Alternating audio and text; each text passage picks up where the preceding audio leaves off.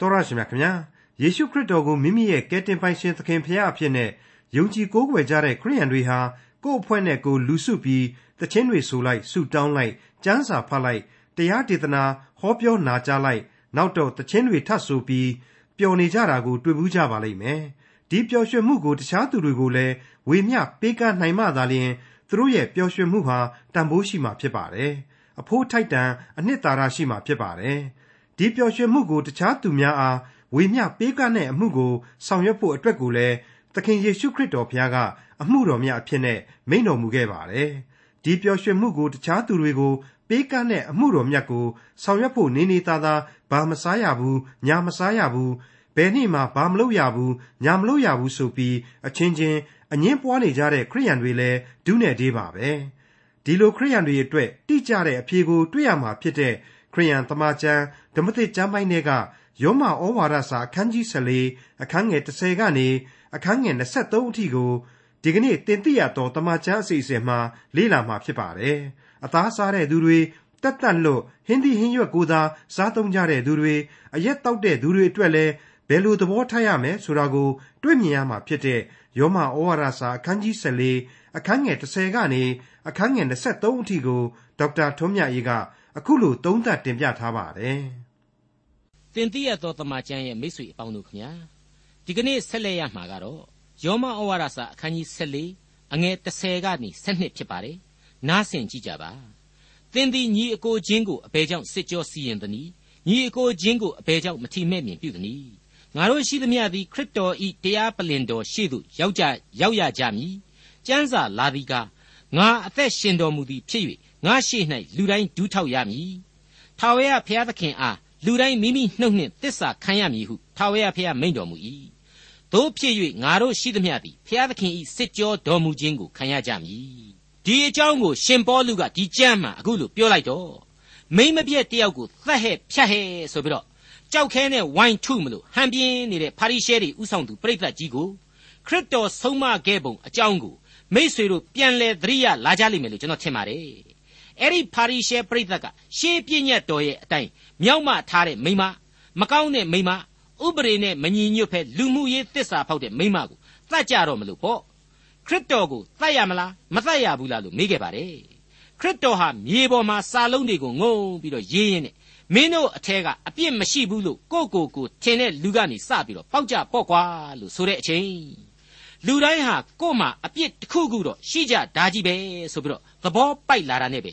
ခဲတွေကိုအောက်ချပြီးတော့ တယောက်ပြီးတယောက်ငိုက်ဆိုင်ငိုက်ဆိုင်နဲ့ပြန်သွားကြတယ်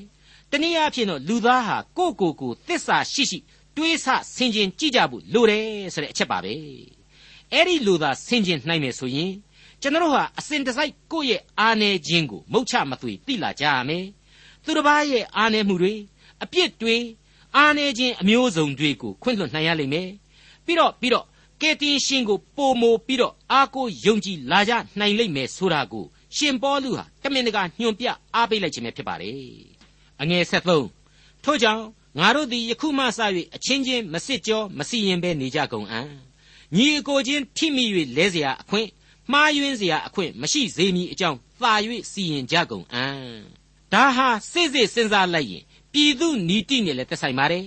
အမဲသားဝက်သားမစားတဲ့လူတွေရှေ့မှာတွားပြီးတော့အသားတုံးကြီးတွေကိုစုံရင်မြက်ပြဲစားမပြကြပါနဲ့နှုတ်နဲ့လည်းမဝေဖန်ကြပါနဲ့ အားလုံးမုံတီအောင်ဆက်ဆုပ်အောင်နာကြီးအောင်ကျွန်တော်မလုပ်ကြရပါဘူးစနေနေ့ကိုဥပုပ်နေ့အဖြစ်ကိုးကွယ်တယ်သူသဘောကျတဲ့အတိုင်းရှိပါစေတနင်္ဂနွေနေ့မှာ9မိနစ်လောက်စွန်းတာနဲ့ဘတ်စကားတောင်မစီးရဘူးဆိုတဲ့လူမျိုးတွေသူခံယူတဲ့အတိုင်းကျင့်သုံးပါစေအဲ့ဒါကိုကျွန်တော်တို့ကလိုက်ပြီးတော့အပြစ်တင်နေမယ်ရှုံချနေမယ်ဆိုရင်အဲ့ဒါကသာကို့မှာအပြစ်တဲ့မရှင်းဘူးလားဘုရားသခင်ကအဲ့ဒါကိုအခွင့်မရှိဘဲစစ်ကြောစီရင်ခြင်းနဲ့ ဆုံးဖြတ်ချက်ချပိုင်ခွင့်မရှိဘဲနဲ့တစ်ဖက်သက်ဆုံးဖြတ်ခြင်းအဖြစ်သတ်မှတ်လိုက်ပါတယ်တဲ့ဘလောက်ကောင်းတယ်လေအငယ်ဆက်လေးအဘဲအစာမျှပဂရိအတိုင်းမညစ်ညူးကြောင်းကိုငါသည်သခင်ယေရှုကိုအမိပြုလျက်သဘောကျ၍အမှန်သိ၏သို့တော်လည်းညဉ့်ညူးသည်ဟုအကျဉ်သူသည်ထင်၏ထိုသူ၌ညဉ့်ညူး၏သခင်ယေရှုရဲ့ဆုံးမဩဝါဒတွေသခင်စီကရယူခဲ့တဲ့အတွေ့အခေါ်တွေဗျာဒိတ်တွေအရာကတော့ငါကတော့ပြက်ပြက်ပဲ လောကမှာရှိတဲ့အစာမှန်တွေအကုန်သန့်တယ်လို့ငါယုံတယ်သိတယ်ဒါပေမဲ့တချို့တချို့ကဒီလိုမတွေးပဲနဲ့ဟိုလိုတွေးတာမျိုးရှိတယ်တွေးကြပါစေသူ့အဖို့ညစ်ညူးနေတာကိုငါကအတင်းမညစ်ညူးရဘူးဆိုပြီးတော့မလုပ်ဘူးတဲ့ရှင်းပါတယ်နော်ယောမဩဝါဒစာအခန်းကြီး14အငယ်15သင်ဤညီအကိုသည်သင်စားသောအစာကြောင့်စိတ်နာရလျင်သင်သည်မေတ္တာတရားကိုမကျင့်ခရစ်တော်သည်အသေးခံသောကျေးဇူးတော်ကိုခံသောသူကို သင်ဤအစာအားဖြင့်အကျိုးမနှဲစေနှင့်ခရစ်တော်အသေးခံတာဟာကျေးဇူးတော်အဲ့ဒီကျေးဇူးတော်ကြောင့်ကယ်တင်ခြင်းတရားကိုခံစားရဖို့သားလျင်အဓိကသူ့လမ်းကလေးနဲ့သူခရစ်တော်ကျေးဇူးတော်ကိုခံယူပြီးသားကိစ္စမှာကိုကအဲ့ဒီအစာအသောက်တို့ကိုခံယူရာအကျင့်တလေတို့အစွဲအလန်းတို့ဆိုတဲ့မစီမဆိုင်ကိစ္စတွေနဲ့ဝင်ပြီးတော့မရှုပ်နဲ့စိတ်ညစ်စရာတွေအကုန်ဖြစ်ကုန်လိမ့်မယ်တဲ့အငယ်16နဲ့18 သင်တို့သည်အခွင့်ရသည့်အမှုမှာကဲ့ရဲ့စရာအကြောင်းမရှိစေနှင့်ဘုရားသခင်၏နိုင်ငံတော်သည်အစားအသောက်၌မတည်ဖြောက်မှတ်ခြင်းငြိမ်သက်ခြင်းတန်ရှင်းသောဝိညာဉ်တော်အားဖြင့်ခံရသောဝမ်းမြောက်ခြင်း၌တည်၏ liberty လို့ခေါ်တဲ့လွတ်လပ်မှုကိုခရစ်တော်ဟာဒီအပိုင်းမှာပေးထားတယ်အဲ့ဒီပေးထားတဲ့ liberty ဟာအပြစ်ရှာခွင့်လိုင်စင်မဟုတ်ဘူးဒါကြောင့်နဲ့နဲ့နဲ့နဲ့ဆင်ခြင်စဉ်းစားကြပါခံယူကြပါဖျားသခင်ဤနိုင်ငံတော်ဆိုတာဟာ သက်သက်လွတ်လွတ်မလွတ်လွတ်ကျေးဇူးတော်နဲ့တည်ပြီးသားပဲဖြစ်ပါတယ်တဲ့ဒီအပိုင်းတွေဟာဂယုစိုက်ဖတ်ဖို့တော့အထူးပဲလိုပါတယ်နော်အခုပြောတာကောင်းကင်နိုင်ငံတော်မဟုတ်ဘူးဖျားသခင်နိုင်ငံတော်လို့ပြောတယ်အဲ့ဒီဖျားသခင်နိုင်ငံတော်ဆိုတာဟာကောင်းကင်နိုင်ငံတော်တဲ့ပို့ပြီးတော့ကျယ်ဝန်းတယ်ကြီးမားတယ်အသားပါတယ်စัจ java လာအနန္တမြေလောကဩကာသလောကတစ်ခုလုံးနဲ့အကျုံးဝင်နေအဲ့ဒီအထဲမှာရှေ့တန်းမှာထားရမှာကတော့တခြားမဟုတ်ဘူး ခရစ်တော်ချစ်တဲ့အသင်းတော်ပဲဟုတ်ပါတယ်အသင်းတော်ဆိုတာကလေစုလစ်မွန်းဂျွန်းနဲ့ခေါင်းလောင်းသံတွေနဲ့အဆောက်အုံကြီးတွေကိုဆိုလိုတာမဟုတ်သေးပါဘူးဒီကနေ့လူအဖွဲ့အစည်းထဲမှာရှေ့ဆုံးကနေအများဆုံးသောအုပ်စုကြီးဖြစ်နေတဲ့ယုံကြည်သူခရိယန်တိုင်းတို့ကိုဆိုလိုခြင်းပဲဖြစ်ပါတယ်အဲ့ဒီလိုဘုရားသခင်နိုင်ငံတော်ဆိုတဲ့ဝေါ်ဟာရကိုခရစ်တော်သုံးခဲ့ဒါကတော့ရှင်ယောဟန်ခရစ်ဝင်ကျမ်းအခန်းကြီး3အငယ်3မှာပြန်လှန်လေ့လာနှံ့ရင် ပို့ပြီးတော့တောင်မှဝိညာဉ်ခွန်အားရနိုင်စရာအကြောင်းရှိပါတယ်ကျွန်တော်ပြန်လဲဖတ်ရှုပြပါရစေယေရှုကဒုတိယမွေးဖွားခြင်းကိုမခံတော့သူမြည်သည်ကဖျားသခင်နိုင်ငံတော်ကိုမမြင်ရဟုငါအမှန်အကန်ဆိုသည်ဟုပြန်၍မိန့်တော်မူ၏ဒီတော့အဲ့ဒီကျေပြောတဲ့စัจ java လာအနန္တဩကာသလောကလို့ဆိုရပေမယ့်အသက်ရှင်တော်မူသောအနန္တတကုရှင်ဖျားသခင်ရဲ့နိုင်ငံတော်ရဲ့ထေဝါခြင်းလှပတင့်တယ်ခြင်းဆိုတာတွေကိုတော့ ကိုကငုတ်တုတ်ထိုင်နေရတိုင်းမြင်ရသလားဆိုတော့လည်းမဟုတ်ဘူးအဲ့ဒီမှာအသက်မှန်မှန်ရှူပြီးတော့လမ်းလျှောက်နေတိုင်းထိတွေ့ရသလားဆိုတော့လေအဲ့ဒီတည်းမကဘူးဒုတိယမွေဖွားခြင်းကိုခံယူဖို့ဆိုတာဟာလိုကိုလိုလာတယ်အဲ့ဒါကတော့ကျေးဇူးတော်ကိုကျေးဇူးတော်မှန်သိတဲ့နောင်တနှလုံးသားနဲ့ရှင်သန်ခြင်းပါပဲတနည်းအားဖြင့်တော့ဘုရားသခင်ရဲ့တန်ရှင်းသောဝိညာဉ်တော်လွှမ်းမိုးသောအရက်တိုင်းဟာအဲ့ဒီဘုရားသခင်နိုင်ငံတော်ပဲဖြစ်ပါတယ်အခုအပိုင်းမှာသုံးဆွဲထားတဲ့ဖြောက်မှတ်ခြင်းဆိုတာကလေဘုရားသခင်ကနေယုံကြည်ခြင်းတရားကြောင့်ဖြောက်မှတ်ခြင်းအခွင့်ကိုပေးတဲ့ဖြောက်မှတ်ခြင်းကိုကြည့်မဆိုလိုသေးပါဘူးဘုရားသခင်နဲ့အတူအသက်ရှင်ခြင်းဘုရားသခင်စီမှာအစဉ်ကိုးစားခြင်းဆိုတဲ့အချက်တွေပါဝင်ရအောင်လို့ရှင်ပေါလုဆိုလိုခြင်းဖြစ်ပါတယ်ဒီတော့အခုရှင်ပေါလုကဆိုတဲ့ဖြောင့်မတ်ခြင်းငြိမ်သက်ခြင်းတန်ရှင်းသောဝိညာဉ်တော်အားဖြင့်ခံရသောဝမ်းမြောက်ခြင်းနဲ့ဘုရားသခင်နိုင်ငံတော်ဆိုတာတွေဟာအကုန်လုံးတစ်ဆက်တစ်ဆက်တည်းတည်ရှိနေတယ်ဆိုတာဟာလက်တွေ့မြင်ရတဲ့အချက်တွေဖြစ်ပါတယ် ကျွန်တော်ရဲ့လက်တွေ့ဘဝနယ်ပယ်ကဆောင်ရွက်เสียကိစ္စတွေလည်းဖြစ်ပါတယ်လက်တွေ့လည်းတကယ်ကြပါတယ်ဥပမာအဲ့ဒီနေ့ရဲ့ကိစ္စအစားအသောက်ကိစ္စတွေဟာအလွန်စိတ်ပြင်းထန်နေရင်မငြိမ်သက်နိုင်ပါဘူးအပြောမှားအဆိုမှားတွေဖြစ်လာတတ်ပါတယ်အငင်းအခုန်တွေများလာတတ်ပါတယ်အဲ့ဒီလိုအငင်းအခုန်တွေများလာပြီဆိုတဲ့နောက်မဖြောင့်မတ်နိုင်ပါဘူးဝမ်းမြောက်ခြင်းဆိုတာလည်းမရှိနိုင်တော့ပါဘူးမိษွေအပေါင်းတို့ခမညာ ကို့အစုအဖွဲ့ကလေးနဲ့ကိုတချင်းကလေးတွေဆိုလိုက်ဆူတောင်းလိုက်အလှငွေတွေထည့်လိုက်တရားဟောလိုက်နဲ့ပျော်နေတာပျော်ရွှင်နေတာတဲ့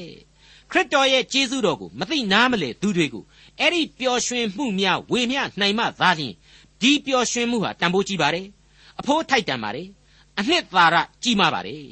အဲ့ဒီလိုတန်ရှင်းသောဝိညာဉ်တော်အဖြစ်ခံရသောဝမ်းမြောက်ပျော်ရွှင်မှုဆိုတာရဲ့သဘောတရားကိုကျွန်တော်ကတော့ဓမ္မရာဇဝင်တွေတဲက revival သို့မဟုတ်ဝိညာဉ်ရေးနိုးကြတက်ကြွမှုအတွက်ဆောင်ရွက်ခဲ့သူယူရမင်းဆက်ကမင်းကောင်းမင်းမြတ်တို့အချိန်ကာလကပျော်ဣသရေလလူမျိုးတော်တစ်ခုလုံးပျော်ရွှင်မှုမျိုးနဲ့ဥပမာထားခြင်းပါတယ်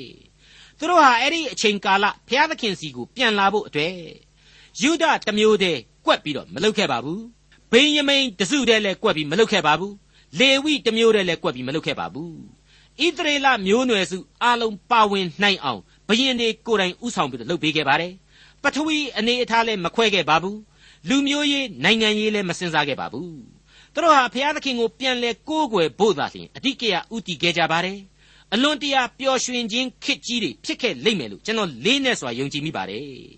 မိษွေယုံကြည်သူအပေါင်းတို့ခမညာတလှေတဲ့စီတခရီးတဲ့သွားနေရတဲ့ကျွန်တော်တို့အဖို့ခရစ်တော်ရှိနေပါတယ် တန်ရှင်းသောဝိညာဉ်တော်ရဲ့လမ်းပြခြင်းဟာလေမလွဲမသွေရှိနေပါတယ်ဒီအရေးအာဝါသကျေးဇူးတော်အောက်မှာပဲကျွန်တော်တို့ရှင်သန်လိုက်နာနေကြရတယ်မဟုတ်ဘူးလားဒီအသက်လမ်းပေါ်ကိုလာလိုသူတွေအများကြီးရှိနေပါတယ်သူတို့ကိုဖေးမကူညီဖို့အသက်လမ်းပေါ်ကိုတူပြိုင်ဆွဲတင်ဖို့သာရှိပါတယ်ခရစ်တော်၌အတူတကွတလုံးတဝတည်းတည်နေကြပါစို့ဝိညာဉ်တော်၌ဝမ်းမြောက်ခြင်းကိုအတူတကွတလုံးတဝတည်းခံယူကြပါစို့လို့တိုက်တွန်းအားပေးလိုက်ပါရစေ ယောမဩဝါဒစာအခန်းကြီး14အငယ်18ထို့သောကျင့်၍ခရစ်တော်၏အမှုကိုဆောင်ရွက်သောသူသည်ဖျားသခင်ရှေ့၌နှစ်သက်ဖွယ်လူတို့တွင်ချီးမွမ်းဖွယ်ဖြစ်၏တတဲ့ကောင်းတဲ့အခွင့်အရေးတော့မရှိဘူးလို့တောင်မှကျွန်တော်ထင်မိပါတယ်ဖျားသခင်ရှေ့မှာရောလူတို့ရှေ့မှာရောချီးမွမ်းဖွယ်ဖြစ်စေလိမ့်မယ်တဲ့ဖျားသခင်ရှေ့တော်မှောက်မှာချီးမွမ်းဖွယ်ဖြစ်တိုင်းလူတို့ရှေ့မှာချီးမွမ်းဖွယ်ဖြစ်တယ်လို့များတော့လှေနံဓာတ်တဲ့ရောင်လို့တောင်ပြောလို့မရပါဘူး ဖျားသခင်ရဲ့နာမတော်ကိုနဖူးစီတက်ပြီးတော့လူအချင်းချင်းနှခမ်းတလန်ပန်းတလန်အပြစ်ပြောနေကြတာတွေအားပြိုင်ရန်ဖြစ်နေကြတာတွေဖဲ့ထုတ်နေကြတာတွေသတ်ရှူနေကြတာတွေနဲ့ပတ်သက်လို့တော့သီးခံကြပါအဲ့ဒါတွေဖြစ်လာလို့လူအချင်းချင်းကဲ့ရဲ့မုံဒီလာကြပြီဆိုရင်ဒါဟာခရစ်တော်၏အမှုတော်တော့မဖြစ်နိုင်တော့ပါဘူးကိုယ်ဂိုင်းကနရဲ့အမှုတော်စာရမဏဥဆောင်သောအမှုတော်လို့သာပြောကြပြီတော့အဲ့ဒီလိုပဲကျွန်တော်ကတော့နားလေသဘောပေါက်လိုက်ပါတယ် အငယ်ဆက်ကိုထို့ကြောင့်ငြိမ်သက်ခြင်းနှင့်၎င်းအချင်းချင်းတိဆောက်ခြင်းနှင့်၎င်းရှင်သောအရာတို့ကိုမှီအောင်လိုက်ကြကုန်အံ့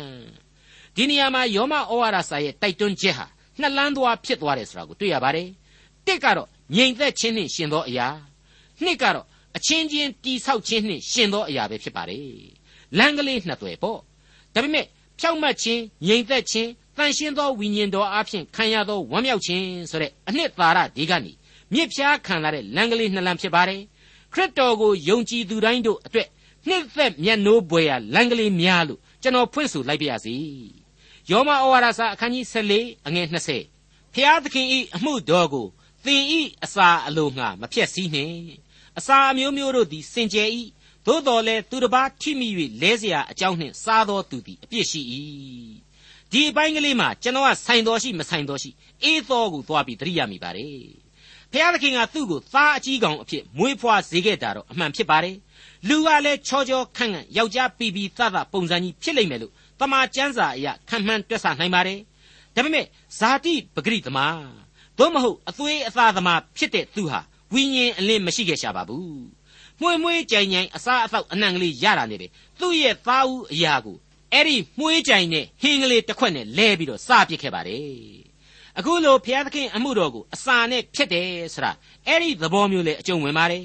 ကျေးဇူးတော်တဲ့မျိုးမျိုးမြဲမြဲဟင်းကလေးတစ်ခွက်ကိုမဲ့ရရောက်ခဲ့လို့ပါပဲအခုဒီကျမ်းရဲ့နောက်ထပ်သင်ခန်းစာတစ်ချက်ကတော့သူတစ်ပါးကရှောင်မှကောင်းမယ်ဆိုတာကိုကိုကအတင်းမရှောင်သင့်ဘူးစားရမယ်မင်းတို့မစားခြင်းနေငါစားတယ်ကွာဆိုတဲ့တမင်ဘူးလို့တဲ့သဘောမျိုးအရွက်တိုက်တဲ့လောက်ရမျိုးဆိုရင်လေအပြစ်သင့်နေပြီဆိုတာဒီနေရာမှာဖော်ပြပါတယ်တယောက်အတွက်ပြားတကား ဒါပေမဲ့နောက်တစ်ယောက်အတွက်ခါတမဆိုသလိုဖြစ်နေတဲ့ကိစ္စမျိုးတွေဟာအစားနဲ့သာကျွန်တော်တို့ကဥပမာဆောင်ထားပြီမယ်တခြားကိစ္စတွေမှာလည်းအများကြီးအကျုံးဝင်ပါတယ်ရှိနေပါတယ်ပြီးခဲ့တဲ့သင်ခန်းစာများတုန်းကကျွန်တော်ပြောခဲ့တယ်လို့ပေါ့တခုတည်းသော Baptist သို့မဟုတ်နှစ်ချင်းခရိယန်အဖွဲ့အစည်းတဲမှာတောင်မှပြည်နယ်အလိုက်ပထဝီအနေအထားအလိုက်စသဖြင့်မတူညီခြားနားမှုတွေရှိနေတာမျိုးဖြစ်နေတယ်မဟုတ်ဘူးလားဒီတော့ဘယ်လိုပဲဒလေချင်းအကျင့်ချင်းမတူညီခြင်းနေပါစေ ယုံကြည်ခြင်းအရာမှာတူညီဖို့ကသာအဓိကဖြစ်ပါတယ်ခရစ်တော်ကိုချစ်တဲ့နေရာမှာယုံကြည်ကိုးစားတဲ့နေရာမှာတူညီဖို့သာခြင်းအဓိကဖြစ်ပါတယ်ယောမဩဝါဒစာအခန်းကြီး14အငယ်21အမဲသားကိုစားခြင်းစပြည့်ရည်ကိုတောက်ခြင်းကိစ္စမှစ၍ညီအကိုထိမိ၍လဲเสียအကြောင်းမှားယွင်းเสียအကြောင်းအားနည်းเสียအကြောင်းများကိုရှောင်အပ်၏အမဲသားဆရာဟာ beef ဆိုတဲ့နွားသားကျွဲသားကိုကြီးပဲမဆိုလိုပါဘူး flesh ဆိုတဲ့အသားအလုံးနဲ့အကျုံးဝင်ပါတယ်ဒါကြောင့်မလို့ဝက်သားစိတ်သားစသဖြင့်ခြေလေးချောင်းတတ္တဝါတွေကိုအထူးပြုတယ်လို့ကျွန်တော်တို့နားလည်ယူဆနိုင်ပါတယ်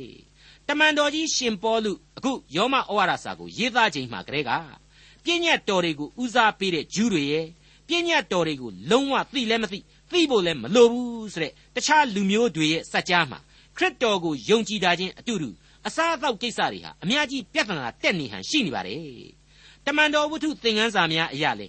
ပေတရုပေါလုတို့အဖို့ဒီပြဿနာတွေဟာအတော့ကိုအုံနောက်၆ဆရာကောင်းခဲ့တယ်ဆိုတာကိုလေကျွန်တော်တို့အတိတ်ပဲဖော်ထုတ်လို့ရယူနိုင်ပါတယ်ဒါဟာသမိုင်းကြောင်းဆက်ဆက်တွေးခေါ်ခြင်းနဲ့ရနိုင်တဲ့အဖြစ်တွေပါအခုရှင်ပေါလုကပြောပါပြီအဲ့ဒီလိုအငင်းအခုံပြဿနာတွေကိုစ조사ရှောင်ကျင်ကြပါတဲ့အဲ့ဒီခေတ်ကာလတုန်းကပေါလုရဲ့ဩဝါဒအတိုင်းဒီအစားအသောက်ပြဿနာကိုညင်းကြခုံကြတာရှောင်ကျင်နိုင်ခြင်းရှိမရှိကိုတော့ ကျွန်တော်လည်းသိပြီးတော့မပြောတတ်ဘူးဒါပေမဲ့ဒီပြဿနာတွေဟာဒီကနေ့မှတောင်မှမရှောင်နိုင်တာကတော့အမှန်ပဲဆိုတာကျွန်တော်တွေ့လာရတယ်ဘလောက်ဝန်းနေစရာကောင်းတယ်လေ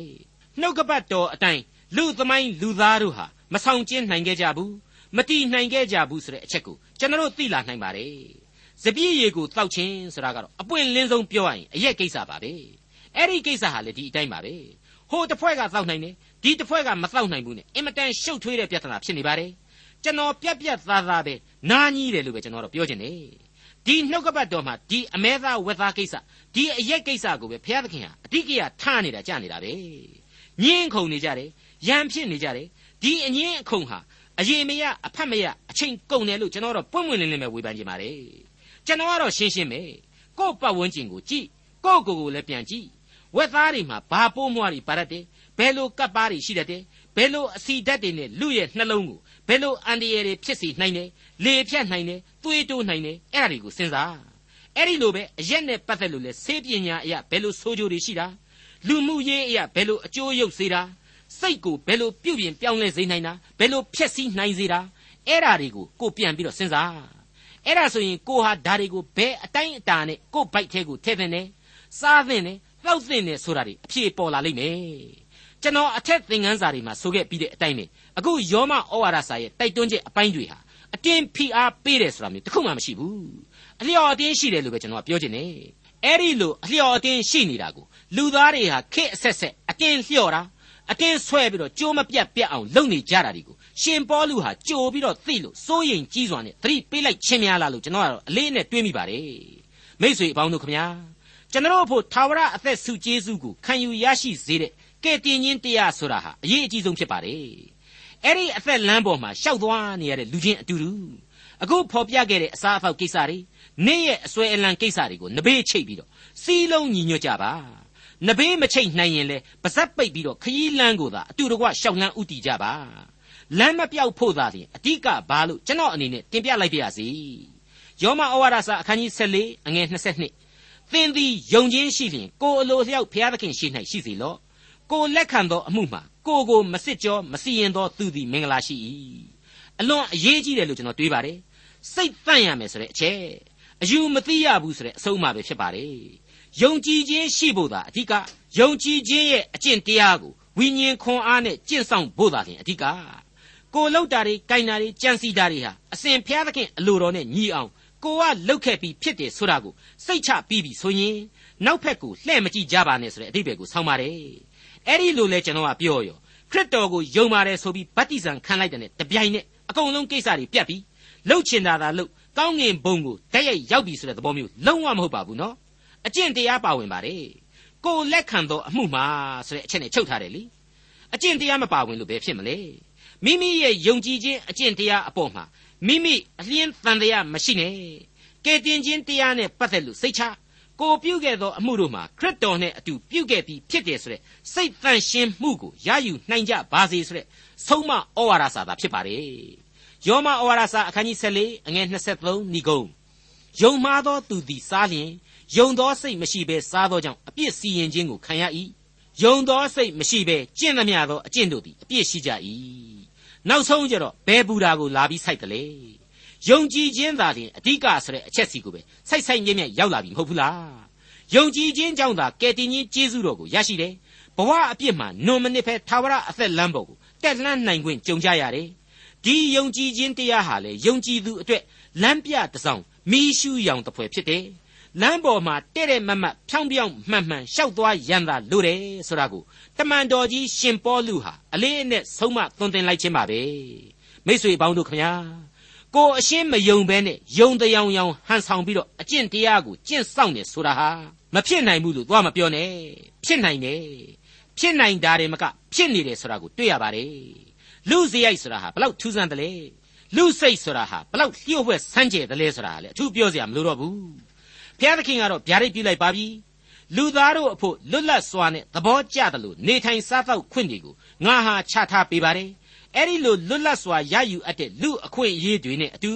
သူ့အပေါ်မှာယုံကြည်ခြင်းမရှိသမျှကာလပတ်လုံးအပြစ်တန်တရားကနေယုံထွက်ဖို့တော့မဖြစ်နိုင်ဘူးဆိုတဲ့သစ္စာတရားပဲဖြစ်ပါတယ်မိษွေအပေါင်းတို့ခမညာလွတ်လပ်ခွင့်ရှိတယ်ကျေးဇူးတော်ရှိတယ်အဲ့ဒီလိုကိုယ့်အတွက်ချထားပေးတဲ့အခွင့်အရေးတွေဝိုင်းဝိုင်းလဲနေတော့ပြုံပြုံပြုံပြုံနဲ့ဒီအခွင့်အရေးတွေကိုမှိန်ပြီးတော့ခံစားတယ်ရင်ထဲမှာကျတော့သူများကိုညူစုရတာနဲ့မကောင်းမြင်ရတာနဲ့သူများကိုနှာခေါင်းရှုံရတာနဲ့ မဲ့ကရွက်က အတင်းအဖျင်းပြောရတာနဲ့အဲ့ဒီမကောင်းတဲ့အကျင့်ဆိုးတွေကိုယုံကြည်သူတို့ရှောင်ကြရပါမယ်ဆိုပြီးတော့ရှင်ပေါလုလေးနဲ့စွာဩဝါဒပြုလိုက်ပါတယ်ဒီဩဝါဒအတွက်ကိုတော့သူဟာသူ့အုံနောက်နဲ့ခန်းစားချက်နဲ့ရေးသားခြင်းမဟုတ်ပါဘူးတန်ရှင်းသောဝိညာဉ်တော်ဤသွန်သင်ခြင်းနဲ့သာရေးသားပေးလိုက်ခြင်းဖြစ်ကြောင်းတင်ပြပါရစေမိတ်ဆွေများခမညာအခန်းကြီး14ဟာပြီးဆုံးသွားပါပြီတမန်တော်ကြီးရှင်ပေါလုရဲ့ဩဝါဒစကားများအတိုင်းသာဒီကနေ့ကျင့်ဆောင်လိုက်နာကြမယ်ဆိုရင် ဒီကနေ့မှာပဲခရစ်တော်ရဲ့ကျေးဇူးတော်နဲ့ကယ်တင်ခြင်းတရားဟာယုံကြည်သူတို့အားဖြင့်လူသားတွေကြားမှာပုံမထင်ရှားလာရလိမ့်မယ်လို့ကျွန်တော်တွေးနေမိပါတယ်လူဆိုတဲ့တတ္တဝါဟာအမှန်တော့ဇာတိပဂရိအရာအပြစ်နဲ့ဘယ်သူမှမကင်းလေတော့သူ့ရဲ့တွေးခေါ်ကြံစီမှုကလေးတွေဟာလေဘယ်တော့ခါမှပြည့်ဝစုံလင်နိုင်တယ်လို့မရှိနိုင်ပါဘူးအဲ့ဒီလိုတွေးခေါ်ကြံစီမှုကလေးတွေဟာပြည့်တာမပြည့်ဝတာအသင်းတော်ဆိုတဲ့မဟာအဆောက်အုံကြီးကိုတော့ ဟိုတစဒီတစအပိုင်းပိုင်းအစစဖြစ်သွားအောင်လုပ်နိုင်တယ်ဆိုတာကိုကျွန်တော်တို့ဘယ်လို့မှမေ့ပြစ်လို့မရနိုင်ပါဘူးမြင့်မြတ်တဲ့ယုံကြည်ခြင်းတရားနဲ့ကားတိုင်းလမ်းကိုသာစိတ်စိတ်မျှော်မှန်းရှောက်လန်းကြပါစို့ခမညာဒေါက်တာထွန်းမြတ်ရေးစီစဉ်တင်ဆက်တဲ့တင်ပြတော်တမချန်းအစီအစဉ်ဖြစ်ပါတယ်နောက်တစ်ချိန်အစီအစဉ်မှာခရိယန်တမချန်းဓမ္မသစ်ကျမ်းပိုင်းတွေကယောမဩဝါဒစာအခန်းကြီး15အခန်းငယ်1ကနေအခန်းငယ်73အထိကိုလေ့လာမှာဖြစ်တဲ့အတွက် စောင့်မျှော်နားဆင်နိုင်ကြပါတယ်။